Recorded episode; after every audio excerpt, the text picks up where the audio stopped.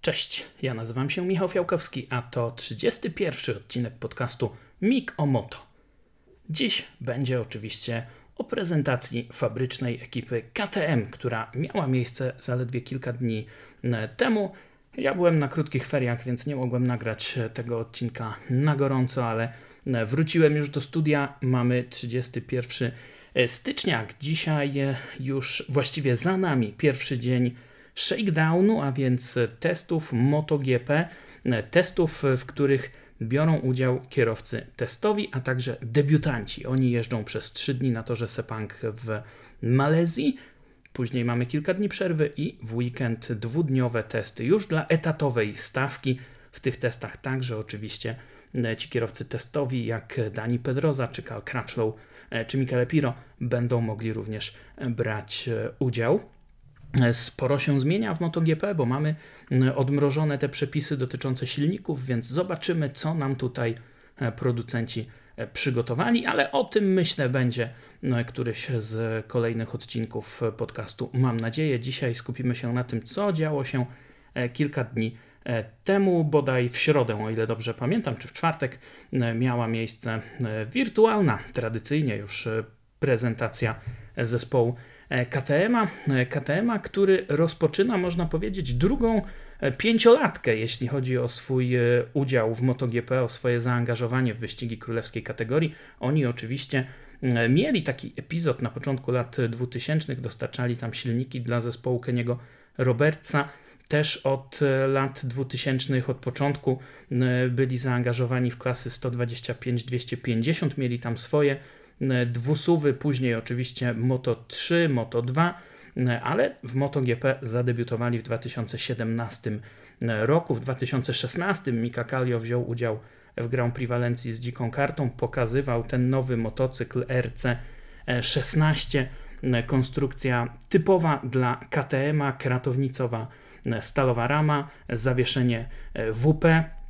Wiele osób pukało się w głowy, no jak to oni chcą z takim czymś E, poradzić sobie w MotoGP. Przecież e, wszyscy już doskonale wiedzą, że nic innego, jeśli chodzi o zawieszenie poza Olinsem w tej królewskiej kategorii, nie działa, bo przecież Honda próbowała z Shową w zespole Gressiniego, Yamaha próbowała z Kayabą w zespole e, Forward Racing, to się nie udawało a KTM uparcie swoją drogą e, postanowił kroczyć. Oni oczywiście mają mnóstwo sukcesów, e, jeśli chodzi o wyścigi w terenie, o motocross, o enduro, o Dakar. E, byli pewni siebie, no ale wiedzieli, że przed nimi duże wyzwanie. Pamiętam tę konferencję w 2017 roku, wtedy w Mattinghofen w Austrii. Tuż po Dakarze byli zawodnicy z Dakaru, byli zawodnicy z MotoGP, z zespołów E, Moto 3 i Moto 2 e, prowadzonych przez mm, Akiego Ają. Był też e, Stefan Pirer, a więc wielki szef całej grupy KTM. On mówił wtedy o tym, że mają właśnie pięcioletni plan, że ten piąty, ostatni sezon to ma być regularna walka o podia, o zwycięstwa i na to wszystko byli gotowi przeznaczyć 250 tysięcy euro. W tym momencie rozpoczynają drugą pięciolatkę, E, bo KTM przedłużył swoją umowę na starty w MotoGP właśnie do 2026 e, roku. E, zanim przejdziemy do tego nadchodzącego sezonu, to tak pokrótce, jak ta droga do tegorocznej rywalizacji w przypadku marki KTM wyglądała. Dwaj pierwsi zawodnicy, etatowi zawodnicy, to był duet ściągnięty z zespołu Tech 3, Hiszpan Pole Spargaro i Brytyjczyk Bradley E, Smith. I przez te dwa pierwsze sezony e, ewidentnie tutaj jednak górą był e, Pole Spargaro. Drugi sezon zakończył Pole Spargaro na podium w Walencji i to był duży sukces. Pierwsze podium KTM-a w Mistrzostwach Świata. Rok później Paul był w generalce na 11 pozycji. W 2020 roku był piąty w klasyfikacji generalnej i E, wywalczył tam całą serię finiszów na e, podium e, i odszedł do zespołu Repsol Honda. Na jego miejsce wskoczył Miguel Oliveira, ale wcześniej z zespołem pożegnał się Bradley Smith. On jednak nie mógł się odnaleźć na tej stalowej ramie, narzekał na ten motocykl i po dwóch latach zastąpił go Joan Zarco. Joan Zarco, który jest dwukrotnym mistrzem świata kategorii Moto 2. Jak być może pamiętacie, jego ówczesny menadżer Laurent Fallon miał wtedy ofertę do, od zespołu Repsol Honda, aby tam trafił Joan Zarco u boku Marka Marqueza, ale z jakiegoś powodu Laurent Fallon stwierdził, a ja nie powiem Joanowi Zarko w ogóle, że ta oferta jest, tylko podpiszemy umowę z zespołem e, KTM. No, jak Zarko się dowiedział, to się wściekł, Felona e, zwolnił. Dzisiaj Laurent Fallon e, skupia się na karierze swojego syna, który ściga się w kategorii Moto 3. No a Jean Zarko od początku praktycznie nie mógł się z tym motocyklem dogadać. Wcześniej ścigał się oczywiście Yamahą w zespole Tech 3. Ona się bardzo lekko, łatwo prowadziła pasowała do jego stylu jazdy e, płynnego, a ten agresywny KTM e, ni w ząb. No i Joan Zarco e, już na początku sezonu został nagrany przez francuską telewizję, jak to w boksie wyzywa i krytykuje ten motocykl i mówi, że to się do niczego nie nadaje i tak dalej, i tak dalej. No i w połowie sezonu KTM postanowił zwolnić Joana Zarko z kontraktu. Ostatecznie wyszło mu to na dobre. On tam wtedy e, dokończył sezon w zespole LCR Honda za takie Nakagamiego, no i trafił najpierw do Avinti, a później do zespołu Pramac e, Ducati. E, ale tak czy inaczej w KTM-ie zupełnie nie mógł się odnaleźć, podczas gdy Pole Spargaro naprawdę radził sobie wtedy E, świetnie. No i po tym e, sezonie, który za e, Joana Zarko dokończył Mika Kallio, kierowca testowy KTM, do dzisiaj zresztą wcześniej zawodnik też KTM w kategorii 125, ten pamiętny tytuł, który przegrali w 2004 roku z Andreą Dovizioso, kiedy to w KTM jeździli właśnie Mika Kallio i Gabor Talmashi, no i Gabor Talmashi wymyślił sobie, że w Katarze wyprzedzi Mikę Kallio E, na finiszu sezonu i tym sposobem Micekali później tych pięciu punktów e, zabrakło. Gabor Talmashi już miał wtedy kontrakt na awans z KTM-em do 250, ale oczywiście wyleciał też z tego zespołu wówczas e, z hukiem. Tak to wtedy wyglądało. Ale Mika Kallio po tym epizodzie w Pramac Ducati wrócił właśnie do KTM, a do dzisiaj jest kierowcą testowym. Dokończył wtedy ten sezon 2019 za E, Joana Zarko, a w 2020 roku do zespołu dołączył e, Brad Binder, jeden z tych zawodników, którzy z KTM-em przeszli całą swoją wyścigową drogę, bo e, przecież Brad Binder trafił do pucharu Red Bull Rookies. To jest puchar, który Red Bull organizuje wspólnie właśnie z KTM-em. Jak już się tam dostaniesz, a nie jest łatwo, o czym wielu polskich zawodników młodych e, się przekonało. E, jak już się tam dostaniesz, organizatorzy pokrywają wszystkie koszty, ty musisz tylko przylecieć na zawody. Motocykl jest podstawiony, dostajesz kaski, kombinezony, możesz się ścigać, możesz pokazać swój talent i tak właśnie wyławiano tych kolejnych zawodników, bo pierwszym zwycięzcą tego pucharu był właśnie Joan Zarko w 2009 roku, o ile dobrze pamiętam ale i Brad Binder i Miguel Oliveira też e, e, przeszli przez ten puchar, później trafili do Moto3, ścigali się razem zresztą w jednym zespole e, Ułakiego Ajo i w 2016 roku Brad Binder wywalczył wówczas ten mistrzowski tytuł. No i spotkali się ponownie w 2021 roku, ale najpierw w 2020 Brad Binder u boku Pola Espargaro zaskoczył wszystkich, bo mówiłem już o tym, że Paul Espargaro miał świetny sezon 2020 i tam była cała seria finiszów na e, podium. E, ale też bardzo dobry sezon zaliczył e, Brad Binder, który e, już w trzecim wyścigu stanął na najwyższym stopniu podium, wygrał Grand Prix Czech w Brnie i to było pierwsze zwycięstwo KTM-a w Mistrzostwach Świata MotoGP. Później już to nie było tak imponujące. Te wyniki były troszeczkę w kratkę, ale mimo wszystko to był bardzo dobry E, sezon e, i dla Brada Bindera, i dla Pola Espargaro, i dla KTM. KTM zakończył e, ten sezon na czwartym miejscu w klasyfikacji producentów. Zespół Red Bull KTM był trzeci i to jest naprawdę świetny wynik, ale w klasyfikacji producentów KTM dosłownie dwa punkty za Suzuki, cztery punkty tylko za Yamahą. Super sezon, Paul Espargaro odchodzi. Myślę, że trochę może tego nawet dzisiaj żałować, że z tego projektu się wymiksował, bo on rzeczywiście miał ogromny wkład w rozwój tego motocykla. Nie tylko on zresztą, o tym za chwilę. Brad Binder tymczasem przedłuża umowę z KTM-em aż do sezonu 2024. Podobnie jak Mark Marquez, tylko ci dwaj zawodnicy mają tak długie umowy w MotoGP. A tymczasem KTM traci koncesje, czyli traci te przywileje, jakie mają producenci e, bez e, sukcesów. Wcześniej też Suzuki, e, później już tylko KTM i Aprilia, teraz już tylko Aprilia. Te koncesje, te przywileje to była większa liczba silników, jakie można było zużyć w ciągu sezonu, możliwy rozwój tych silników w ciągu sezonu, no i też praktycznie nieograniczona ilość testów na najróżniejszych torach. To się wszystko skończyło po tych podiach e, z 2020 e, roku i sezon 2021 KTM rozpoczynał w trochę innej sytuacji. To już był dojrzały projekt, wszystko już mniej więcej działało tak jak powinno. No ale teraz już nie było tych przywilejów i trzeba było grać takimi samymi kartami jak e, konkurencja. Nadal był to dobry sezon.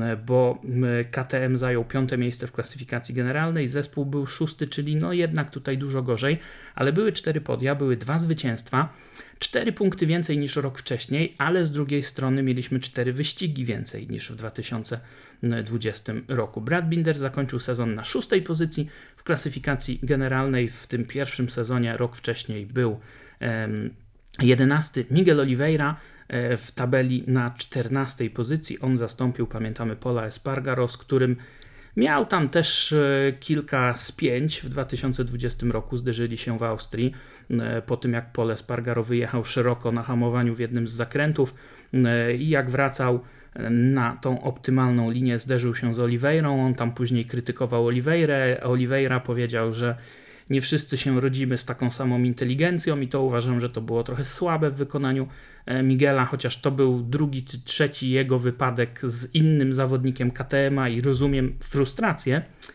ale te komentarze były trochę e, niepotrzebne, tam było sporo napięć, no ale tak czy inaczej, Miguel Oliveira w 2020 roku w debiutanckim sezonie w barwach Tech 3 e, wygrał wyścig w Portugalii przed własnymi kibicami, więc tutaj e, tych sukcesów E, nie brakowało. No zresztą e, wygrał też w Austrii ten kolejny e, wyścig Miguel Oliveira. Najpierw w Austrii, później w Portugalii. To już było tuż po tych zwycięstwach Brada Bindera, ale w fabrycznym zespole tak imponująco mm, nie było. No i Miguel Oliveira w tym sezonie 2021 no miał podgórkę, 14 w klasyfikacji e, generalnej, po drodze e, ta kontuzja, o której już e, mówiłem, ale też kilka problemów miał KTM w tym poprzednim sezonie.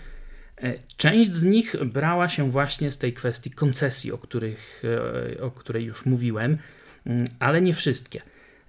Podstawowy problem Alokacja opon e, od firmy Michelin. E, KTM jest bardzo podobny do Hondy e, pod tym względem, że oni potrzebują tej najtwardszej mieszanki przedniej opony, bo hamują późno, mocno, agresywnie, potrzebują tej dodatkowej stabilności, jaką daje ten twardy przód, a w poprzednim sezonie ta twarda przednia opona pojawiała się bardzo rzadko w alokacji i mieli z tym zawodnicy e, problemy. Pytałem o to właśnie na, tym, e, na tych briefingach po prezentacji e, Miguela Oliveira i on mówił tak, to jest jeden z głównych problemów, nie tylko dobór tych opon, ale też ustawienie odpowiedniego ciśnienia, zmiana zachowania tych opon z, razem ze zmianą temperatury asfaltu.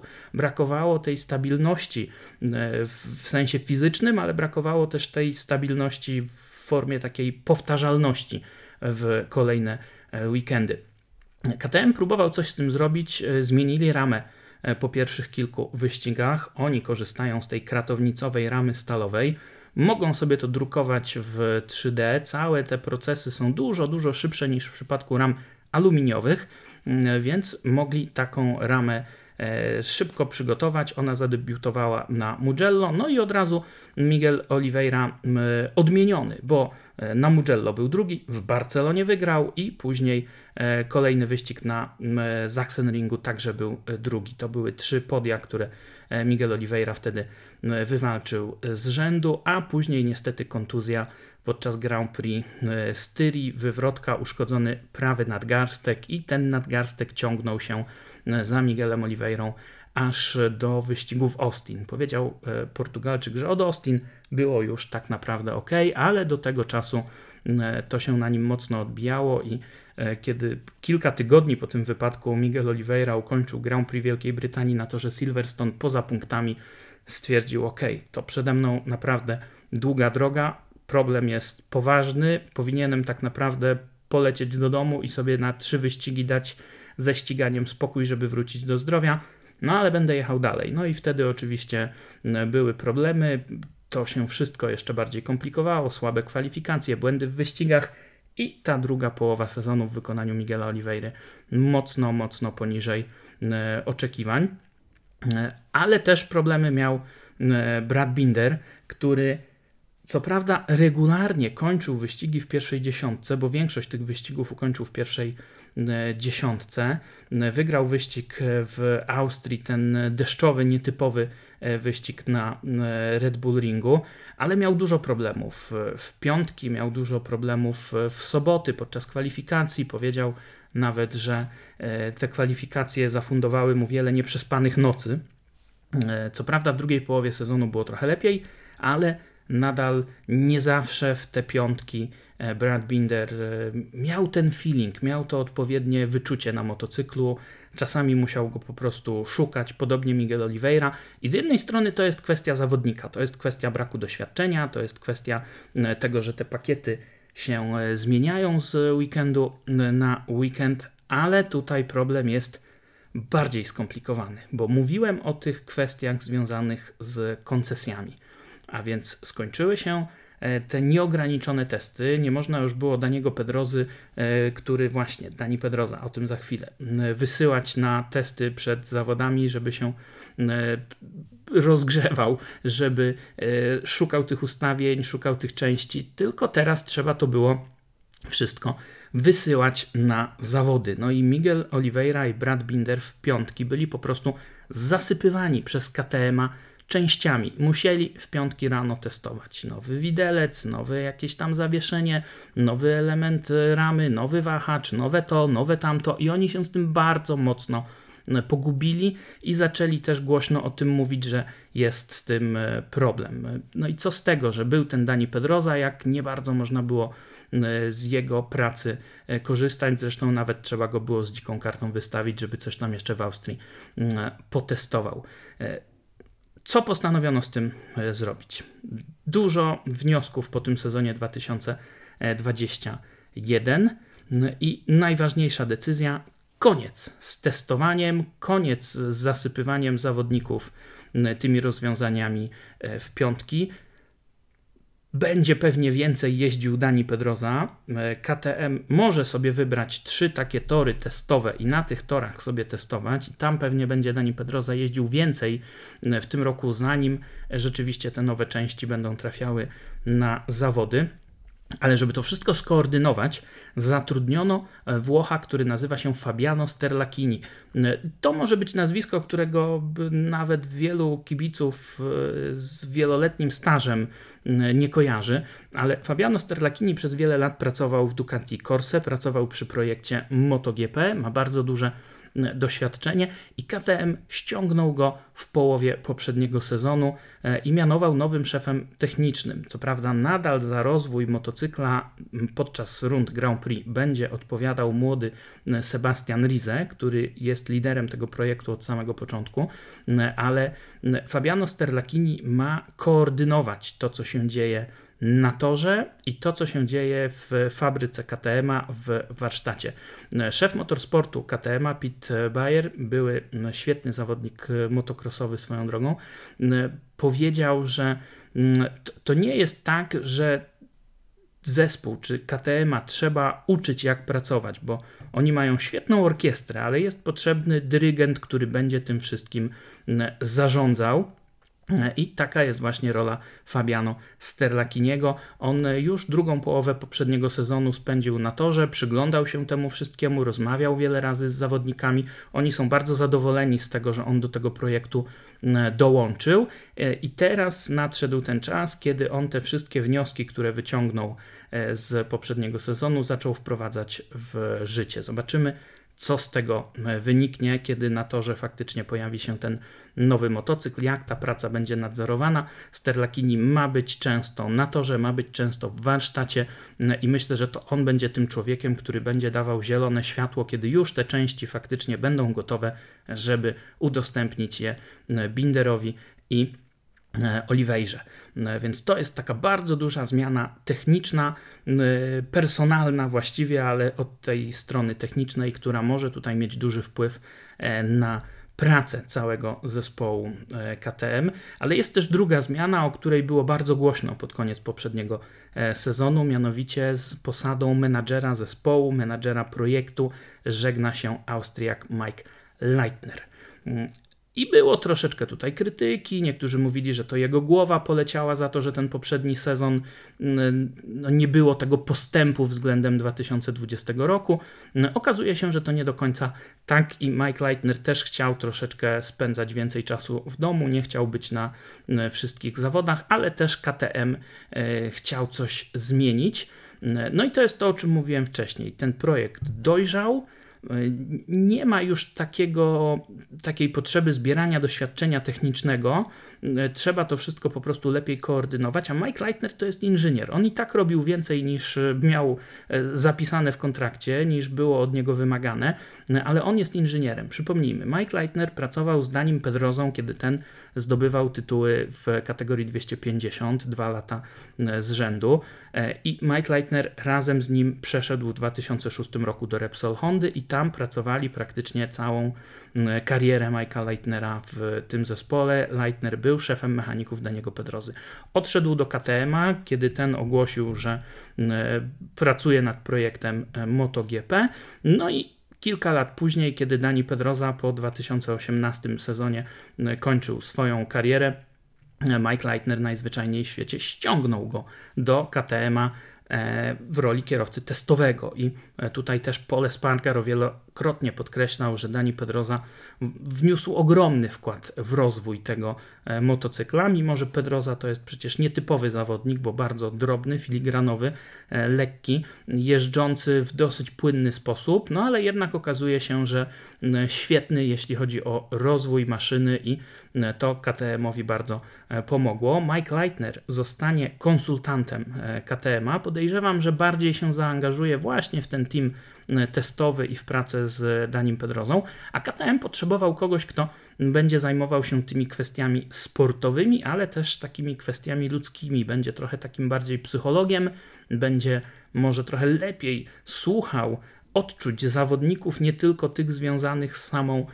jazdą niż taki typowy inżynier jak Mike Leitner. I tutaj pojawia się Francesco e, Guidotti, który od wielu lat e, prowadzi zespół Pramac Ducati, prowadził właściwie zespół Pramac Ducati, a wcześniej e, pracował w Aprili i także właśnie w KTM-ie w tych mniejszych kategoriach 125-200 50. E, Francesco Guidotti nie jest takim typowym e, inżynierem, tylko właśnie bardziej menadżerem e, sportowym. Typowym inżynierem to jest Giacomo Guidotti, czyli brat Francesco Guidottiego, który z kolei pracuje z taką Nakagami jako szef mechaników w LCR Hondzie, a wcześniej pracował w Repsol Hondzie, więc to są bracia bardzo podobni, zresztą czasami można ich w padoku nawet pomylić.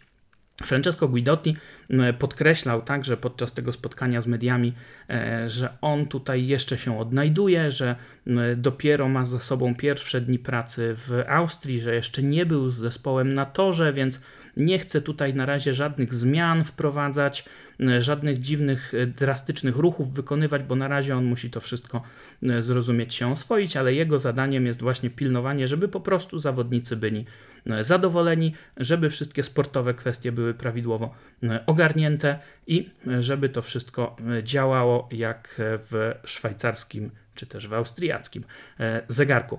E, to jest także kwestia, z której zadowoleni są e, zawodnicy.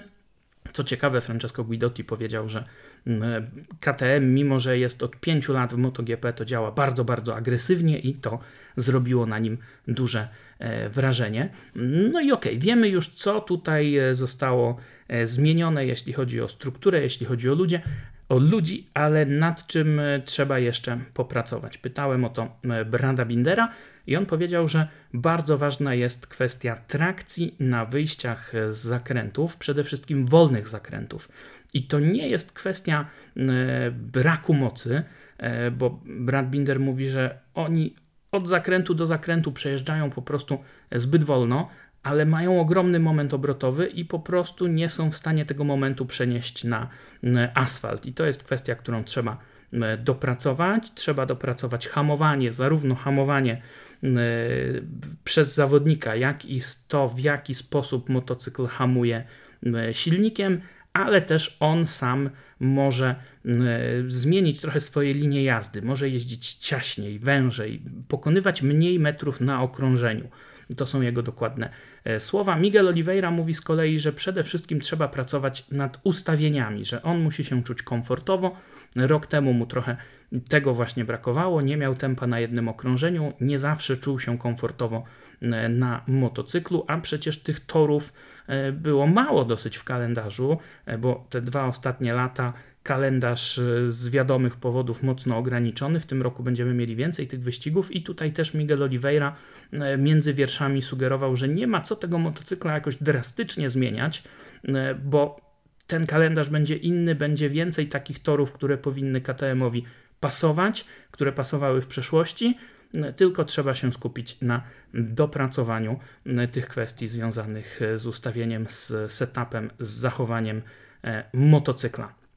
E, I jeśli to się uda, e, to będzie dobry sezon. Miguel Oliveira liczy, że przede wszystkim będzie więcej powtarzalności, bo rok temu ten sezon był taki pełen wzlotów i upadków. Były te podia, było zwycięstwo, ale było też wiele słabych wyścigów. Nie było takich przeciętnych weekendów, jak to powiedział e, Portugalczyk. Zresztą był nawet pytany o udział w, w reklamie wspólnego sponsora razem z piłkarzem Ronaldo. Mm, było tam trochę śmiechu. Powiedział Miguel Oliveira, że co prawda oni się nie mieli okazji spotkać na nagraniach tych, e, tych reklam, no ale on jest fanem Ronaldo i też jest równie mocno zmotywowany e, i zdeterminowany, żeby odnieść sukces co jego rodak, chociaż nie ma tyle pucharów. E, padło pytanie, czy może na tor pojadą sobie razem i Miguel Oliveira odpowiedział tutaj, że nie, Ronaldo to, to na motocyklach to on nie może, a samochodami to chyba też zbyt dobrze nie jeździ. No, nie wiem, jak to zostało w portugalskich mediach e, odebrane. E, miało być zabawnie. Wyszło, niech sobie każdy oceni jak, ale, ale zabawnie e, rzeczywiście było.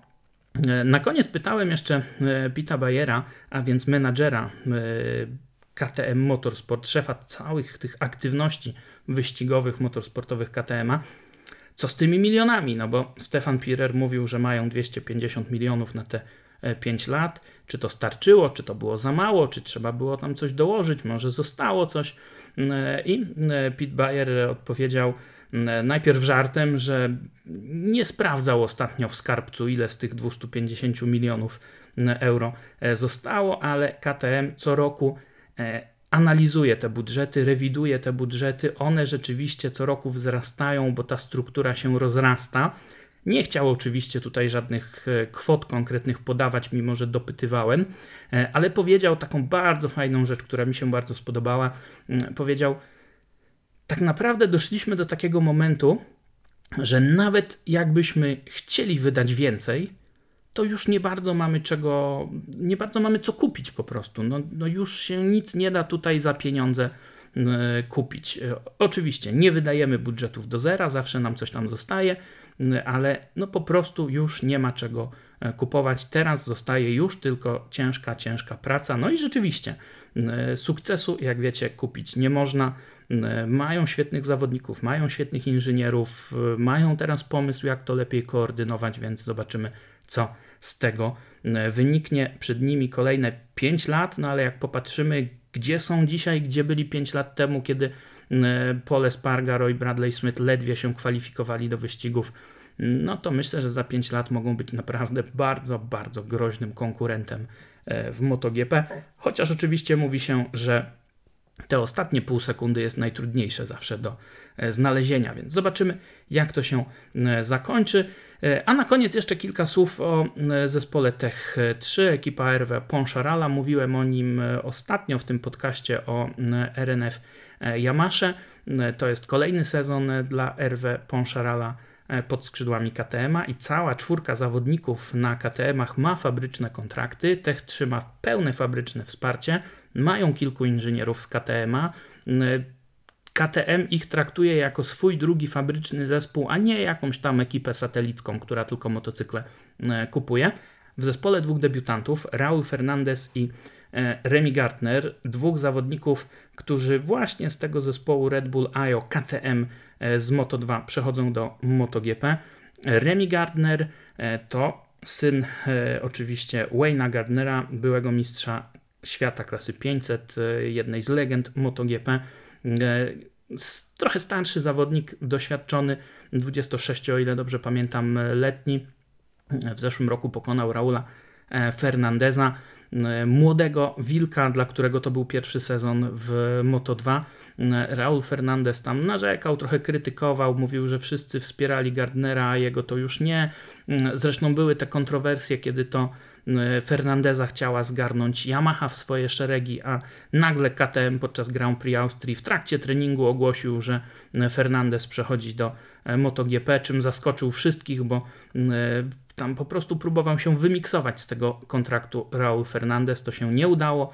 O to też był pytany Pete Bayer i trochę tak kręcił, nie chciał mówić e, wprost o co tam e, dokładnie e, poszło, no ale podkreślał, że im zależy, im jako KTM-owi zależy, żeby zawodnicy zawsze czuli się w tych strukturach dobrze i aby jednak wybierali KTM-a, kiedy przychodzą atakować inni. I to była też taka aluzja do Pedro Acosty, który wywalczył mistrzostwo Moto 3 w poprzednim sezonie. W tym roku będzie jeździł w Moto 2, no i już się mówi, że za rok może Fernandeza właśnie zastąpić w E, MotoGP. Tymczasem Remy Gardner zdradził nam także e, podczas briefingu, ten briefing już był później, bo on był wczoraj w niedzielę, 30 stycznia, właśnie briefing z zawodnikami Tech 3, kiedy już byli w Malezji. E, Remy Gardner zdradził, że dwa ostatnie wyścigi przejechał z dwoma złamanymi żebrami, te wyścigi w Portimao i w Walencji po wywrotce w piątek. Dopiero zrobił sobie prześwietlenie po testach MotoGP w Jerez. Okazało się, że ma dwa E, złamane, pęknięte e, żebra. No kto wie, gdyby tam lekarze zobaczyli to wcześniej, gdyby go przebadali w Portimao, czy by go w ogóle do wyścigu dopuścili e, ze złamanymi żebrami. Różnie to z tym bywa. Musiałby pewnie przejść nie lada sprawdzian fizyczny pod okiem lekarza zawodów, żeby tam do startu zostać dopuszczonym.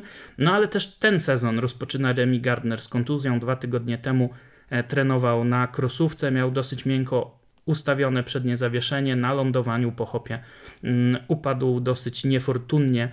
E, no, nie upadł, nie przewrócił się, ale spadł na, e, na ziemię po tym skoku e, dosyć niefortunnie, wygiął rękę na kierownicy i doznał złamania jednej z kości. Przeszedł operację u doktora Xaviera Mira i jest dwa tygodnie po tej operacji i podczas tych testów w Malezji na pewno będzie obolały. Chciałby walczyć o tytuł debiutanta roku, z kolei Raul Fernandez, jego kolega, mówi: No tak, ten debiutant byłby fajny, ale najważniejsze to się uczyć, rozwijać.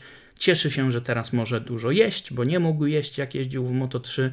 E, teraz już tej wagi tak nie musi pilnować, ale po tych pierwszych testach w Jerez e, Raul Fernandez powiedział, że przeleżał następny dzień w łóżku, nie miał siły, tak go to wykończyło i zdał sobie sprawę, że musi bardzo mocno zmienić swój program treningowy.